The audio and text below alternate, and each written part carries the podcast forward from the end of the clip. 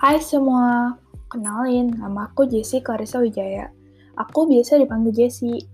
Aku adalah anak pertama dari dua bersaudara. Nah, umur aku sekarang 17 tahun, dan aku punya satu adik perempuan yang umur 4 tahun di bawahku. Coba deh hitung, jadi adik aku umur berapa sekarang? Jadi umur adik aku tuh 17 kurang 4, 13 tahun. Sekarang ini aku tinggal di BSD di Tangerang Selatan dan bersekolah di PK plus BSD kelas SMA 3, kelas 12. Di kesempatan kali ini, aku bakal menceritakan tentang pengalaman aku semasa kecil sampai tamat mengerjakan kumon. Bahkan sampai ngajar murid-murid di kumon loh. Jadi, sekarang secara singkat aku jelasin dulu deh, apa sih kumon itu? Jadi, di Kumon tuh ada dua mata pelajaran seperti sekolah, yaitu matematika dan bahasa Inggris. Di sana, kita diajari metode, metode berhitung cepat dalam matematika dan juga berbicara dan menulis dalam bahasa Inggris. Banyak orang tuh ikut Kumon semenjak kelas 1 SD ataupun dari TK. Aku sendiri tuh baru ngikut kelas Kumon sejak kelas 2 SD. Di Kumon ini aku ikut lesnya yang matematika. Jadi awalnya tuh aku mengikuti kumon karena ada teman dekat aku yang les kumon juga. Aku tertarik ikut supaya bisa main sama teman dekat aku itu. Jadi setelah selesai les, kita bisa main dulu sebelum dijemput.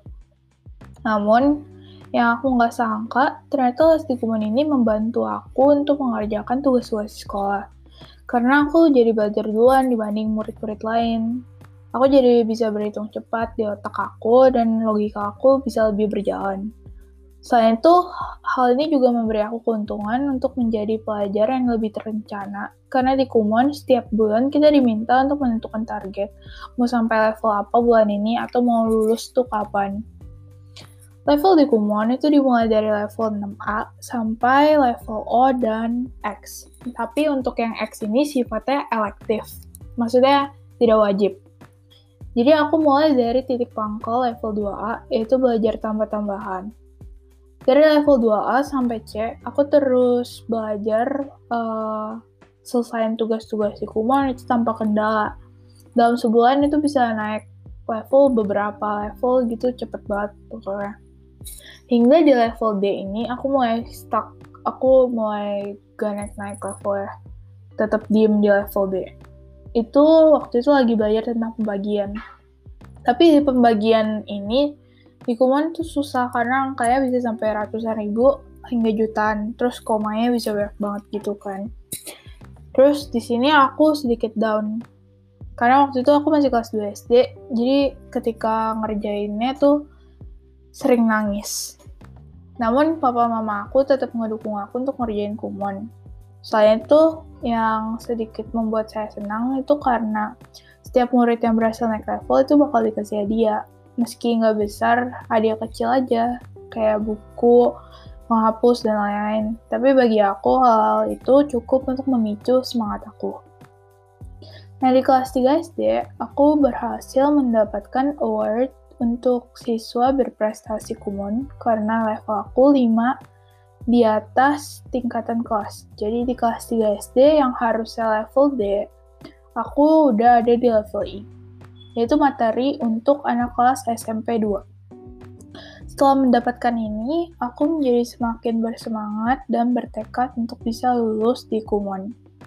Di sekolah, aku juga sering membantu teman-teman aku yang kesulitan untuk mengerjakan matematika, karena selain aku udah paham materinya, tapi aku juga suka membantu membahas soal-soal yang belum terpecahkan. Jadi saat SD, aku juga sering mengikuti uh, lomba-lomba seperti cerdas cermat atau calistung, baca tulis hitung. Nah pada saat ini, aku tidak menyesal karena memilih untuk melanjutkan kumon. Selanjutnya, saat aku berada di level L, saat itu aku duduk di kelas 6 SD. Aku mulai males. Latihan yang harus dikerjain 10 lembar setiap pertemuan, terus berkurang jadi 5 lembar, lalu hanya 3 lembar. Jadi setiap pertemuan aku datang tuh cuma kerjain 3 lembar, habis itu aku ambil PR, uh, eh, terus pembetulan kalau misalnya ada yang salah, terus aku pulang. Jadi pas di level L ini aku mulai jenuh karena di level L ini aku belajar tentang logaritma, limit, dan sebagainya yang baru akan dipelajari kelas 12. Iya, jadi sekarang ini aku kelas 12 dan baru mendapatkan materi yang sudah aku pelajari di kelas 6 SD. Jadi aku mengalami kemandekan di level ini, gak naik-naik. Udah setengah tahun gak naik-naik level. Pernah beberapa kali aku bolos kumon dan malah main ke rumah temen aku karena aku males mengerjakan latihan kumon, ditambah ada PR lagi dari kumon yang harus kerja aku kerjain tiap hari. Namun lama kelamaan akhirnya aku sadar kalau aku tuh membuang-buang waktu aku. Mestinya udah bisa lulus, tapi jadi nggak lulus-lulus. Lalu aku jadi membuang-buang uang orang tua aku karena tetap harus bayar biaya les kumon setiap bulan. Jadi, aku mulai rajin kembali untuk mengerjakan kumon. Guru di kumon aku juga terus menyemangati, menyemangati aku dan aku memang dekat sama mereka. Karena beberapa dari guru-guru kumon itu masih anak kuliahan atau kalau udah selama tamat kuliah itu juga mereka masih umur 20 sampai 30-an tahun. Jadi singkat cerita, akhirnya pada saat SMP 1 aku berhasil menuntaskan kumon akhirnya. Sebelum itu, aku juga berhasil untuk meraih, meraih penghargaan siswa berprestasi dengan 7 level di atas tingkatan kelas. Jadi, di Kumon, setiap tahun tuh ada acara yang namanya ASF, atau singkatan dari Advanced Student Forum. Itu untuk uh, memberi penghargaan pada siswa-siswi yang berprestasi yang udah advance. Lalu juga uh, untuk penghargaannya itu ada penghargaan untuk tiga level di atas tingkatan kelas, 5 level di atas tingkatan kelas, 7 level di atas tingkatan kelas, dan juga untuk yang sudah lulus sampai level O. Nah, yang udah lulus sampai level O ini mendapatkan penghargaan yang namanya completer, completer Kumon. Di acara ini, aku banyak kenalan sama murid-murid Kumon dari cabang lain, sekaligus juga banyak seminar-seminar yang aku dapetin dari acara ini. Biasanya sih tentang mengatur waktu, menentukan target, disiplin, dan lain-lain. Kita juga mendapatkan piala atau plakat, sekaligus kita bisa berfoto bersama petinggi Kumon dari Jepang. Salah satunya itu Mr. Toru Kumon yang membuka Kumon pertama kali aku masih ingat waktu itu uh, Mr. Toru Kumon ini berulang tahun umur 100 tahun. Jadi dia datang ke Indonesia dan uh, aku bisa dapat kesempatan untuk foto sama dia. Nah selanjutnya nih, setelah aku lulus, pemilik cabang kumon aku, uh, cabang kumon aku tuh di Melati Mas, sekaligus pembimbing kumon aku, itu menawari aku untuk mengajar. Nah, aku biasanya memanggilnya tuh Tante Hana. Nah, jadi Tante Hana ini udah pernah berbicara sama aku soal ini sebenarnya sebelum aku lulus, karena katanya sih dia melihat potensi dalam diri aku. Ya, aku senang sih. Nah, awal sih aku ragu karena aku sendiri pada saat itu masih kelas 7, terus mau naik kelas 8, jadi aku masih SMP. Dan aku takut juga kalau tugas-tugas sekolah aku bisa jadi berantakan karena um, aku takut nggak bisa membagi waktu aku dengan baik. Nah, selain itu juga karena memang masih ada sebagian murid-murid kumon itu masih murid SMA, yang artinya bakal lebih tua dari aku atau lebih senior dari aku. Jadi uh, nanti aku harus ngajarin mereka dan aku takut kalau hal itu jadi aneh. Akhirnya aku memutuskan untuk meminta waktu untuk memikirkan penawarannya. Dan adik aku, dia masih les kuman pada saat itu, jadi setiap adik aku datang, uh, si Tante Hana ini nanya apakah Jessie mau ngajar atau tidak. jadi adik aku selalu ceritain setiap pulang kalau aku ditanyain Tante Hana, jadi ngajar atau enggak akhirnya uh, aku mengantap, memantapkan diri untuk mulai mengajar pada saat kelas 8 ya kelas 9. Jadi itu di awal kelas 9 di lagi liburan sekolah. Nah, dan dari sini pengalaman aku yang kedua bakal dimulai. Jadi saat aku mulai masuk untuk mengajar, aku diperkenalkan pada murid-murid di sana. Awalnya aku rada gugup, juga mau hati gitu, nggak enakan rasanya. Cuman lama-lama jadi terbiasa juga. Aku mulai mengajar sepulang sekolah sekitar jam 3 sampai jam 8 malam setiap hari Senin dan Kamis. Jadi meski pulang sekolah udah lelah belajar, terus otaknya panas, terus harus masih mengajar gitu kan. Tapi aku anehnya merasa senang. Karena ya mungkin karena digaji. Tapi meskipun gak banget tapi cukup. tapi itu kan uh, maksudnya kayak ada reward.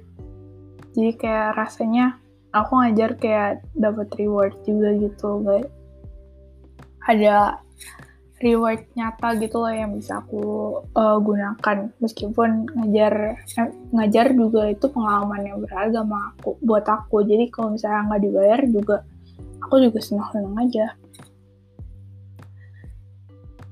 Nah selain itu juga mengajar membuat aku bisa nginget-nginget pelajaran yang udah lalu jadi um,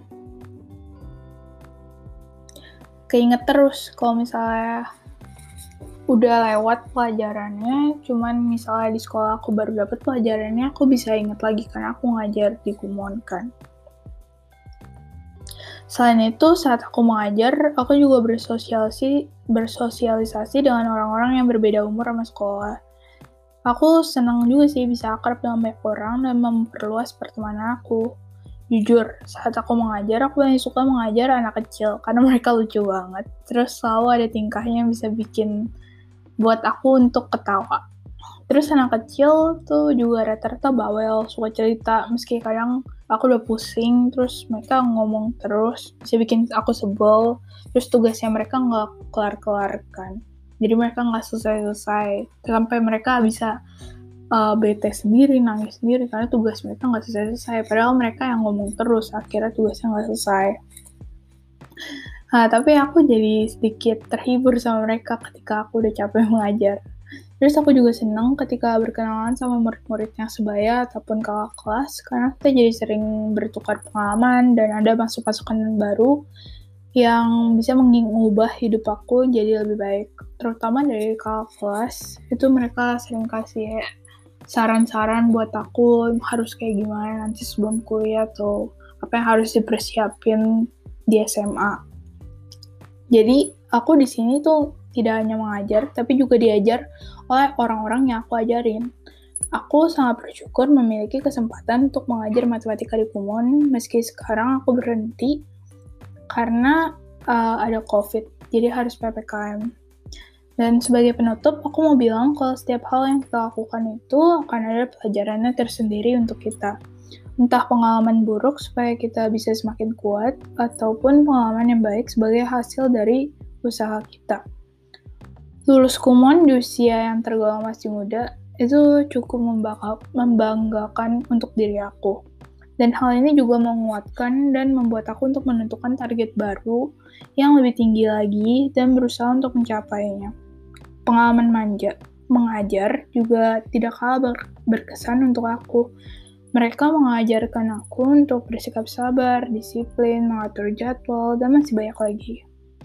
Nah, aku rasa podcast kali ini aku cukup sampai di sini. Semoga teman-teman semua dapat menikmati dan mendapatkan sesuatu dari cerita aku ini. Terima kasih untuk semua yang sudah mendengarkan.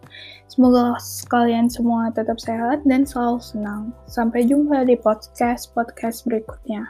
Tuhan berkati. Dadah.